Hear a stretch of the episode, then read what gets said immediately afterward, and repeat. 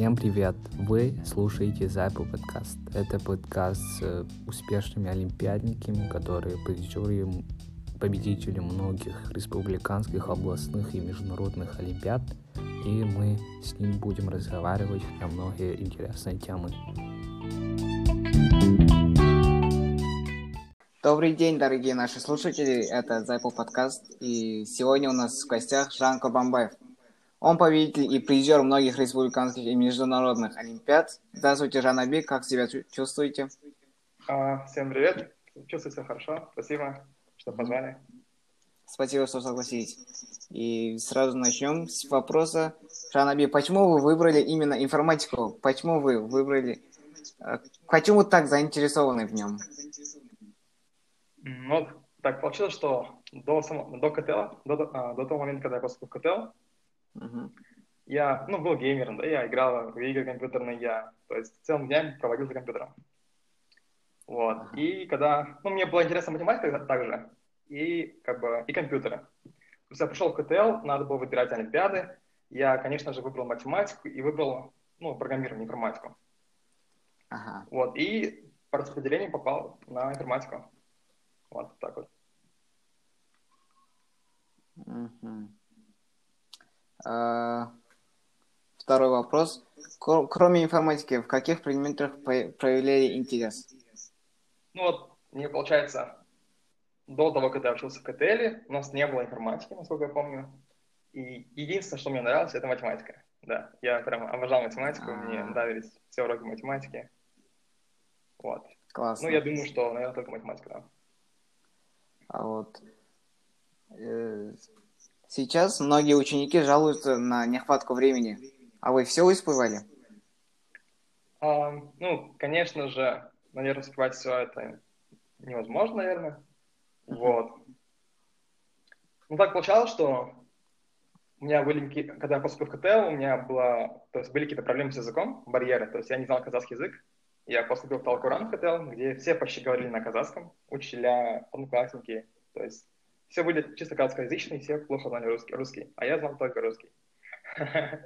Вот, так получилось. И так получилось, что у меня не было мотивации учиться, то есть, то есть я до КТЛ прям любил учиться, пошел в КТЛ, а, и получилось, что как бы я не понимаю казахский, объясняю на казахском, и учителя как бы не объясняют на русском. Не знаю, меня это как-то демотивировало, что ли, и я прям не, как бы, ну, забросил учебу, грубо говоря. То есть первый год или два, седьмой, восьмой класс, еще я хотел прям очень сильно играть в игры, то есть я был прям, прям про-геймером, ну, как бы, был очень топовым игроком. Uh, я постоянно хотел играть в игры и постоянно, как бы, уходил со школы, оставался дома, чтобы просто играть в компьютерные а, игры. Какие игры? игры ну, вот я вот единственное, что играл, это было World of Tanks. World of Tanks. Вот. Классно. То есть, так. топчиком был. Угу. Следующий вопрос. С какими трудностями вам пришлось столкнуться для достижения цели? Вот, ну вообще, вообще, по идее, я не... Ну, если имеется в виду достижение цели как Олимпиада, наверное, я, угу. как это понимаю, видимо, как победа на Олимпиаду. Да, ну, да. во-первых, изначально я даже не думал, что я буду заниматься Олимпиадами. То есть я, хоть и записался на Олимпиаду, ходил на Олимпиаду, я особо не занимался, на самом деле. Я 7-8 класс, как еще раз упоминаю, я как бы прогуливал уроки, не ходил в школу. То есть у меня было такое время, э, я был бунтарем. вот. И получается, где-то случился какой-то момент, и я начал заниматься олимпиадами. Я забросил игры, начал заниматься только олимпиадами. Вот, и... А, сори, можете повторить вопрос? Я забыл вопрос. Вопрос, а, с, как, с какими трудностями вам пришлось столкнуться? А, окей, ну, трудности такие, что я, ну, забросил, как бы, социальные сети, забросил игры. Вот, иногда даже было, то есть, иногда даже, как бы, не ходил с друзьями гулять, потому что надо было чалить, готовиться к Олимпиадам. Mm. А, иногда пропускал уроки, чтобы готовиться к Олимпиадам. Вот, как так. Cool. И какие возможности вам дала Олимпиада? Ну, на самом деле, Олимпиада дала прям колоссальное, а, прям огромное количество возможностей. Ну, во-первых, а, Олимпиада помогает, ну, помогла поступить в ВУЗ, не поступить во многие вузы. А, хоть при этом, что я не учусь в ВУЗе, то есть не пошел в ВУЗ. А, ну, во-первых, то есть минимально самое то, что может дать Олимпиада хорошему олимпиаднику, это mm-hmm. поступление в хорошие вузы. То есть помимо того, что вы поступаете во все топовые вузы Казахстана, получаете грант на бесплатное обучение, вы, у вас также есть шанс поступить в топовые вузы мира. Вот, обычно вы в СНГ, а, в топ-вузы СНГ обычно информатики поступают, то есть обычно в Россию зовут а, в топовые вузы информатиков, а, а вообще, в общем, для олимпиадников, то есть много есть вузов в Америке, в Гонконге, куда поступают олимпиадники. Вот, ну это вот как первое то, что дает а, вузы. Uh-huh. Второе это большой нетворкинг, то есть, ну как бы сказать, это не прям такой нетворкинг, где есть прям реально какие-то связи, что-то можно помочь решить. Но как бы у вас много знакомых по всему миру, много друзей. Yeah. Вот как бы третье, наверное, то, что как бы путешествуйте по странам, то есть ездить, ну, допустим, uh-huh. элементарно а, вы ездите на Олимпиады, на какие-то сборы в разные страны, разные города, и вот очень классно, очень интересно. Да. Вот. Ну и, и, наверное, последнее, что сказать про то, что Олимпиада дает, это, а, ну, есть определенные скиллы, которые человек получает. То есть, например, а, усидчивость, человек, олимпиадник хорошо умеет сам себя заставлять готовиться, сам как бы дисциплинировать себя. Mm-hmm. Вот, то есть обычно олимпиадники тоже могут спокойно, как бы без проблем сами готовиться. Им не нужны, не нужны а, а, в основном репетиторы. То есть и не нужен человек, который будет как бы заставлять готовиться.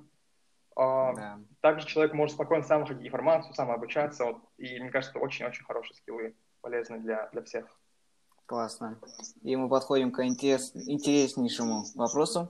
Каково это было защитить... Э, как... Нет. Каково это защищать честь страны на международных олимпиадах, как Айой и Айчжо? А, ну, да, Айвай и Ижо. Ну, на самом деле, на самом деле, вот, получается, я участвовал на Айвай один раз, на Ижо участвовал два раза официально, один раз неофициально. Ага. А, получается, ну, на Ижо это такая олимпиада, как бы ты приезжаешь в Алмату, вот, приезжаешь со своей командой, как бы это больше, как бы, больше как просто приехать на Олимпиаду поучаствовать. То есть, ну, не знаю, я, я особо не чувствовал, что я прям представляю Казахстан, потому что, потому что там очень много ребят с Казахстана участвуют на этой Олимпиаде. В каждой области есть команда, которая а, выступает за свою область, потом есть там 20-30 стран других. Вот. Ну, было классно, когда я вот победил Ижову в последнем году, взял золото. Вот это было классно. То есть я вышел с флагом, было классно, прикольно. А вот на UI, ну там прям реально, прям вообще другие ощущения. То есть ты едешь в другую страну, вас только четыре человека, и такой, такой мандраж какой-то. То есть приходишь на арену, yeah. как раз, а, как раз, а, как раз получается, это была Олимпиада в Азербайджане, uh-huh. и у нас, получается, контест, контест сама Олимпиада проходила в, на Олимпийской арене. То есть, да. получается, приходишь, ну, то есть заходишь о, о, на саму арену, и там огромная арена, и там где-то, не знаю, 300-400 стоят там а ноутбуков, и, и все так красиво выглядит, и вот там реально, прям реально такие ощущения неописуемые. Да. А, можете описать процесс подготовки к Олимпиаде? К Олимпиаде? Um, ну, Наверное, как-то так. А, ну, можно в целом описать, попытаться, то есть не обязательно для информатики, а в общем, в целом. Но вообще есть, наверное, всегда какая-то теория, которую нужно учить, uh-huh. да, вы учите какую-то теорию, какие-то, не знаю, темы проходите, топики, и да, и потом, наверное, есть какие-то практические вещи в каждом предмете, которые нужно практиковать. Вот. А, ну, допустим, я, честно говоря, не могу так, а, наверное, описать прям формально для каждого предмета общую подготовку. Ну, давайте скажу, как было у меня по информатике. Uh-huh. Ну, обычно мы решали задачи, то есть прошедшие а, задачи, там, не знаю, прошедшие года IUI, например, да, прошедшие года там каких-то международных других олимпиад. Вот. То есть, то есть вообще процесс такой, то есть если у вас уже есть какая-то база, то есть если вы знаете какие-то, допустим, алгоритмы, структуры данных, да. А, то есть какие-то базовые темы, если вы уже знаете, тогда вам, в принципе, уже нужно решать задачи, да, то есть решать задачи именно там других олимпиад, других э, да, прошедших олимпиад. То есть тем самым mm. как бы практикуете свои скиллы, что ли, так сказать, участие на олимпиадах, вот, и какие-то новые прям знания, ну, высокого уровня получаете. Окей. Okay. Как-то так, наверное. Так, ага. А по каким материалам вы готовитесь к Олимпиадам? Можете нам посоветовать? Ну, ну, у меня сложилось такое понимание, что если ты пишешь, допустим, Олимпиаду, э, ну, допустим, Олимпиаду по информатике, к примеру, uh-huh. э, тогда нужно, тебе прям нужно обязательно, тебе нужно обязательно прям брать и прорешивать задачи прошлых годов э, этой Олимпиады. Вот. И да, то есть смотреть как бы решения, задачи, какие бывают задачи, какой сложности, какие бывают решения. Mm. Вот, например, у нас есть такая платформа у, у олимпиадников по информатике CodeForces. То есть, получается, такой сайт, где, то есть, где многие программисты всего мира занимаются, там, не знаю, может быть, пользователей, там, 30 тысяч пользователей. Uh, вот. Которые прям, которые прям активно занимаются. А вообще там юзеров где-то под несколько миллионов зареганных. Вот. Но вот именно в программировании, в программировании в по информатике есть как бы два направления, я считаю. Ну, вот есть э, задачи, которые IUI style, где, получается, за, каждую, yeah. э, за задачу вы получаете баллы. То есть от 0 до 100 баллов. Uh-huh. А, а есть задачи ACM style, где у вас просто задача решенная или нерешенная. То есть, то есть как бы есть два типа соревнований э, в информатике. Yeah вот который IOI style и ACM style. Ну, ACM style это более студенческий э, как бы стиль, когда мм. вам баллы не дают задачку, вам просто либо решенная, либо не решенная задача. И CodeForces, да. где многие практикуются, это вот, это, на самом деле, это ближе к ACM стайлу. Там просто ты решил или не решил. То есть у тебя нет никакой практики, а именно набирания баллов. И то есть я очень советую людям, которые готовятся, а, ну, то есть школьники, да, например, готовятся к Олимпиадам, ну, готовятся mm-hmm. по IUI стайл задачам. То есть даже на самом деле на Олимпиаде, чтобы ее даже выиграть, не, не обязательно такая же задача 100 баллов набрать. Ты даже можешь задачу и не решить, но набрать, там, не знаю, 60 баллов, 80 баллов. Ты даже можешь не придумать решение, но у тебя будет много баллов по каждой задаче, как бы частично, и при этом у тебя А-а-а. суммарно будет много баллов. Да. И следующий вопрос. Что делать, если потерял мотивацию? И у вас были такие случаи? А, ну, что это у всех бывает. То есть мотивация это как бы нестабильная вещь, наверное. А, mm-hmm. То есть бывает, ну, время от времени бывает мотивация, бывает нет мотивации. Но в моем случае, в моем случае а, поскольку я был как бы аутсайдером, то есть я вообще начал заниматься олимпиадами в конце девятого класса. То есть моя первая республиканская mm-hmm. олимпиада была в десятом классе. То есть э, вот то, что я был аутсайдером, это, наверное, дало мне больше мотивации. То есть как бы я был слабым по сравнению со своими конкурентами. Uh-huh. И как бы мне не было, как бы мне не было такого времени, что у меня нет мотивации, потому что я знал, что я очень слабый, мне нужно готовиться, мне нужно побеждать.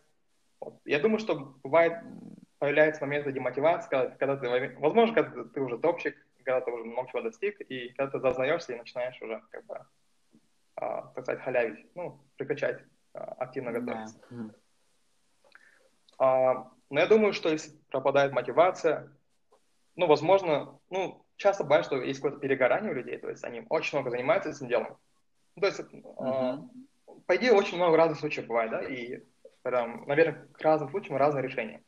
Но есть случаи, когда вы перегораете, то есть когда вы слишком много занимались и уже устали от этого, ну, конечно, что я могу посоветовать, это просто сделать какой-то перерыв, может быть, пару дней, может быть, неделю, отдохнуть от этого. Ну, а желательно, чтобы не перегорать, чтобы не перегорать, нужно как бы, своевременно, своевременно отдыхать, своевременно сон нужен, да, как бы, своевременно, а, своевременно нужно восстанавливаться. И да. как бы тоже нужно время, допустим, ну, обычно социальное время нужно проводить, социально, то есть с друзьями встретиться, пойти, не знаю, в кафе, пообщаться, там, погулять.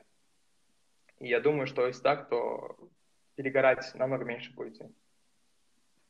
Классно. Какими extracurricular activities занимались? Вот, но если это, как я понимаю, вопрос это уже касается application, то есть а, именно, получается, mm-hmm. подачи в университеты. А, ну, получается, в школе я прям так не занимался extracurricular activities, то есть прям специально. А, но я могу сказать, что я указывал как бы, в свое резюме, я добавлял, что я как бы веду олимпиадный как бы, клуб в школе где я готовлю учеников, помогаем готовиться к Олимпиадам. То есть у меня есть ученики, которые выиграли там Олимпиады, там, республиканские, международные, областные.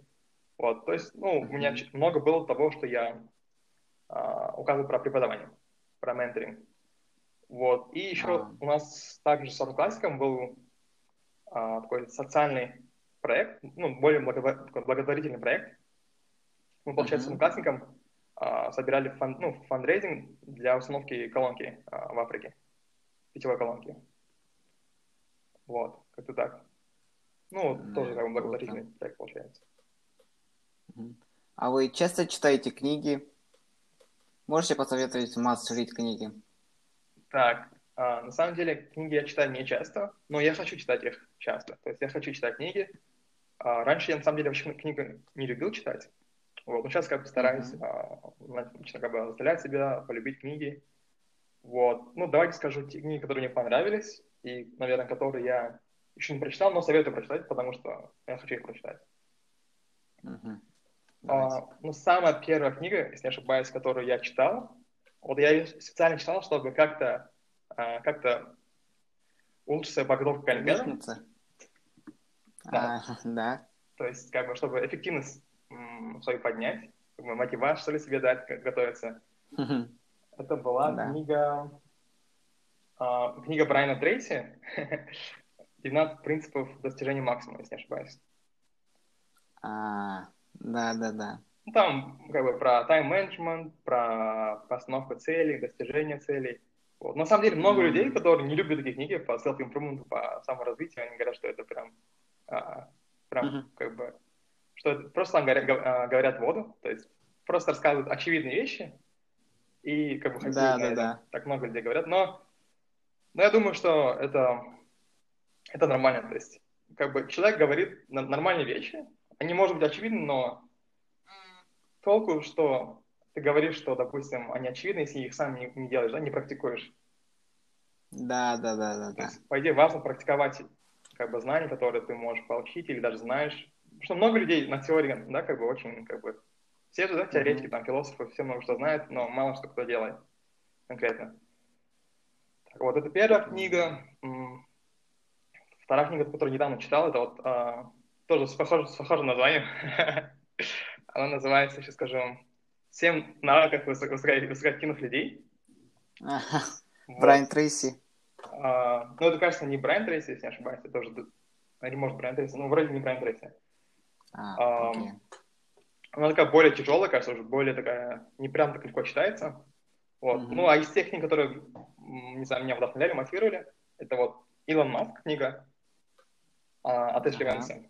Вот там реально биография, очень классно, интересно. А, потом yeah. что? Потом есть такая книга, называется, называется Why We Sleep. То есть, uh-huh. ну, на русском она вроде, э, вроде переводится, то есть название на русском это «Зачем мы спим?». А, то да. есть, по идее, мне очень интересно как бы, книги по психологии, по здоровью, по саморазвитию, по финансам, ну, экономике, вот такое. Mm-hmm. И я считаю, что, по идее, книга Why We Sleep, Why We Sleep, она будет очень полезна, то есть, потому что, ну, многие олимпиадники, как бы, не, не, не досыпают, у них нездоровый сон, проблемы со сном, да, ну, допустим, даже элементарного момента. То есть я могу один день лечь там, в 11, э, в 11 вечера ночи, да, скажем, а в другой день лечь в 10 утра, да, к примеру, спать. Да. И вот такие перебои, да, они на самом деле очень-очень вредны И в этой книге вообще говорится, по идее, про то, что, ну, то есть, как влияет на здоровье а, недосыпы, там, неправильный режим сна, вот. И по идее это очень вредно. Там, даже говорится, что развивается айсгеймер, то есть если не ложиться в каждый день в одно и то же время. Ну, то есть, как бы, последствия могут быть плачевными, на самом деле, если, если неправильный mm-hmm. режим соблюдать. Вот. Окей. Okay. Как-то так. вы поступили в Duke University, это топ-25 университетов мира. Можете подро- подробнее рассказать о Duke? Так, ну, ну, получается, Дюк это один из универов, куда я поступил. Так, ничего особенного про этот вуз, наверное, сказать не могу. А, то есть я просто подавал в, в огромное количество вузов, вот, и это, получается, один, вуз, один из вузов, куда я поступил.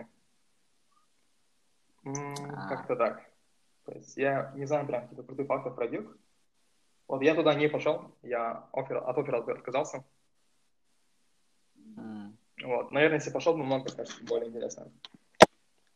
Если интересно, могу Да. рассказать, почему я отказался от опера. А почему отказались? Вот. Ну, причина была такая, потому а, причина была такова, такая, что, а, как я помню, в, этот же, в то же время я получил приглашение а, от Гугла.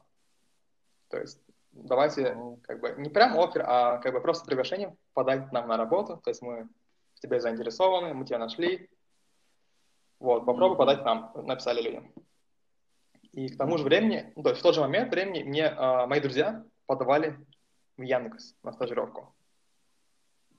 Да. И получается, я подал как бы в Яндекс, и вроде как прошел, и Google меня звал. И я такой подумал, ну давайте попробуем в этом году поработать, постажироваться, и в следующем году переподать. Ну, возможно, переподать, и как бы уже имея более как бы, лучшие шансы. Поэтому я отказался. Но на самом деле это было, наверное, не самое лучшее решение, потому что сейчас я понимаю, что сейчас я понимаю, что работа, ну, для меня это не самое важное, именно работа ра- разработчиком какой-то компании, даже как Google, например. А, сейчас я более понимаю, что ну, в данный момент времени, в мои года, ну, мне нужно как-то более а, активно себя социально проявлять, как бы а, учиться в универе, как бы заводить новые знакомства и тому подобное.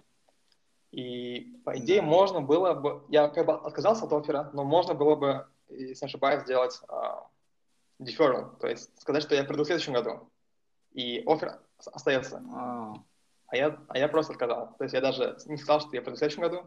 Типа, можно давайте оффер переложим на год вперед, и я приду в следующем году. И я просто им отказал. м, Как-то так. Да. Можете описать процесс подачи документов? Ну, типа, эссе, дедлайны, требования. А, ну, вообще, дедлайна два обычно. Есть, ну, есть, ну, с- грубо говоря, есть два вида подачи, да. А, это regular и early. Early – это когда вы подаете рано, а, обычно тогда у вас дедлайн до 1 ноября. Если regular, а, regular, у вас примерно дедлайн до 1 января. Ну, в среднем от каждого вуза варьируется, да, по-разному. Вот. Что насчет теперь документов? Ну, обычно в американские вузы нужно, а, нужно написать как бы ряд эссе. То есть каждый вуз спрашивает определенные эссешки. Да. Плюс есть общие эссе для каждого вуза. Также есть, также нужно требуются рекомендательные письма от ваших учителей. Также нужны ваши оценки за последние 3-4 года. Также вам нужно сдать ряд экзаменов, например, как SAT, SAT Reasoning, Ага. а, SAT Subject. Вот. Но если, если- э, если не ошибаюсь, сейчас SAT Subject, кажется, многие вузы не требуют. И даже сейчас, кажется, из-за, корона- из-за Да. коронавируса а, многие вузы, кажется, даже SAT Reasoning не просят. Оу.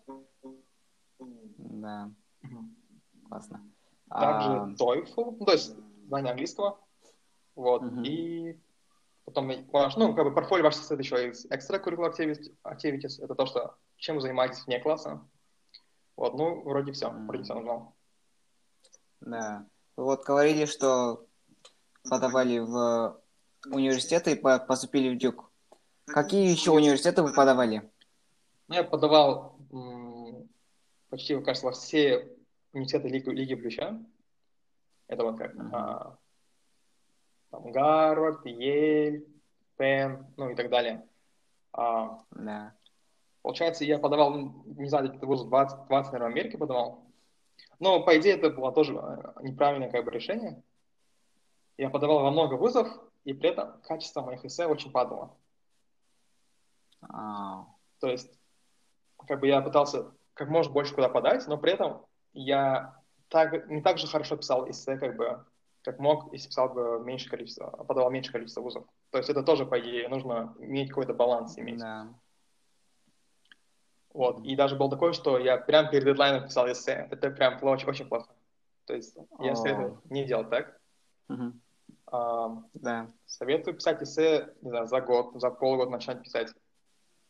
То есть, ну, эссе, кажется, это очень важный аспект, аспект вашего как бы, портфолио, поступления. И, и да, и лучше писать его как можно, начинать как можно раньше, может быть, даже за год, может быть, даже за два года. Ну, то есть, ну, может, два года чересчур, но Да. Год, полгода это для хорошего эссе, хорошего поступления стоит начать, да. А, как писать motivational letter?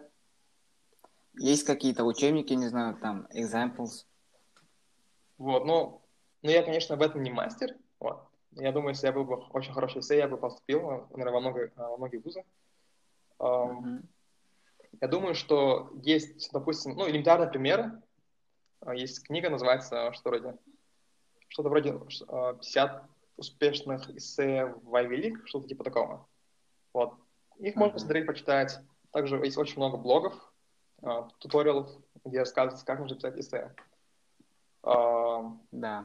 Вот. Но на самом деле есть и сервис, который помогает вам писать эссе. То есть сервисы, всякие компании, которые вас как бы готовят, вас профридят, помогают вам правильно эссе писать. Я думаю, что если есть возможности, то стоит лучше накопить деньги или вот, ну, как бы использовать возможность, чтобы вам помогли как можно лучше. То есть не стоит жалеть денег, чтобы написать, а, чтобы подать, ну, как бы иметь шанс на поступление в а, американский топовый вуз. Мгм. Да. А, можете описать процесс подачи в Ci- City University of Gangkong? Так, я, кажется, туда не подавал. Оу. Ну, я подавал в Гонконге в, э, в Chinese University в Гонконг, а, в Гонконг. University of Science and Technology и, кажется, Polytechnic University в Гонконг. Вот, я поступил в Chinese University в Гонконг. Вот он тоже довольно-таки неплохой.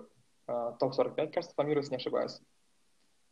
А. Ну, там довольно-таки похожие Мгм. процесс поступления, как и в Америке.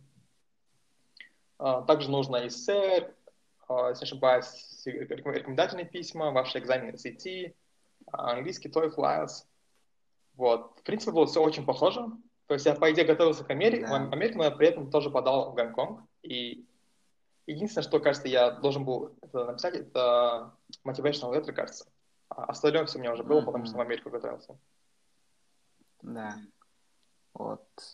В чем разница между motivational letter and personal statement? Ну, я, конечно, такой разницы не знаю, но интуитивно кажется, что в personal statement вы просто, видимо, рассказываете про себя, что да как, а в motivational letter вы расскажете, почему именно этот вуз должен вас взять, почему вы хотите в этот вуз и что-то там подобное. Мгм. Я думаю, это как-то так. И если не ошибаюсь, personal statement, они очень, кажется, длинные. Там тысяча, две, три тысячи слов, кажется, может быть. О, да. Окей. Вот. Вопрос, как определиться со специальностью? Ам, ну, это довольно-таки тяжелый вопрос, потому что если вы изначально уже не знаете, как бы не знаете, чем хотите заниматься, то, э, наверное, это тяжело. И обычно, чем старше вы, тем тяжелее вам определиться, чем, чем, вы, хотите, чем вы хотите заниматься. Ну, наверное, также говорят, что люди не могут найти, чем им заниматься, потому что они ничего нового не пробуют. Не пробуют.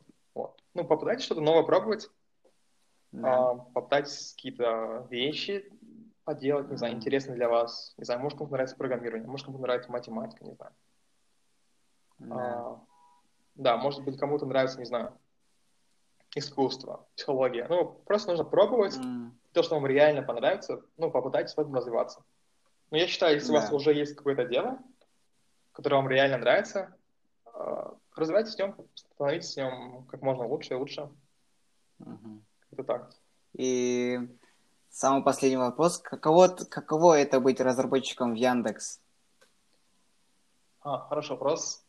Так, я, Яндекс я был три месяца. А, ну, я думаю, что это прикольно, забавно. интересно, потому что я работал в Москве, в Яндексе, в, а, как бы в главном офисе, и получается, там огромное количество людей, там, не знаю, 10 uh-huh. или 15 тысяч работников. И, кстати, я познакомился yeah. с многими людьми, которые тоже были олимпиадниками.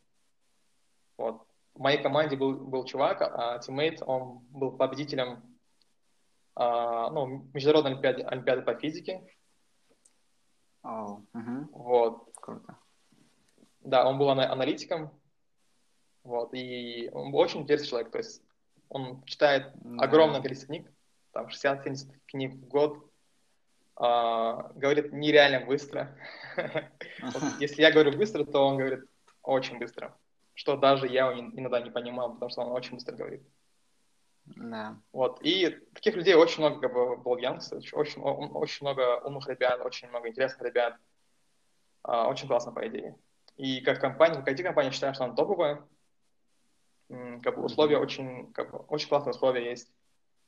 Вот. Можно сказать, не знаю, может быть, ничем не отличается от Гугла, наверное. Но я в Гугле не был. То есть я в Гугле был, но не работал. Uh-huh. Но, конечно, есть такие минусы, как то, что большинство людей, они как бы... То есть есть люди, которые немножко такие нацисты, да, то есть... А, да-да-да как бы, как бы русские, не русские. Кажется, mm-hmm. есть так, как бы люди смотрят немножко по-другому на, на людей не из России. Да. И есть, конечно, люди, которые немножко токсичные. Вот. Но я считаю, что это как бы плохо. Как бы есть, конечно, минус. Я считаю, ну, как бы, мне даже немножко Яндекс не понравился, потому что у меня была команда, команде мы особо ни с кем не общались, что очень плохо, по идее. То есть за три месяца работы я ни разу со всей командой не общался. Это прям ужасно. И у меня был прям злой да, руководитель. Да. Ну, я считаю, что мне просто не повезло. То есть бывают плохие люди, хорошие, а, и мне думаю, что просто не повезло. Вот, но по идее, в идеале не должно быть таких людей в, в такой компании, которая хочет расти и развиваться. Я думаю, что да. Гугле такого точно не было бы. Угу. Вот и закончился наш эпизод. Жанаби, вам очень большой рахмет за то, что приняли и поддержали нас. А, вам успехов и удачи. Окей, спасибо большое, что позвали. А, вам mm-hmm. тоже успехов и удачи. Давай. До свидания. Всем пока. Mm-hmm. Пока.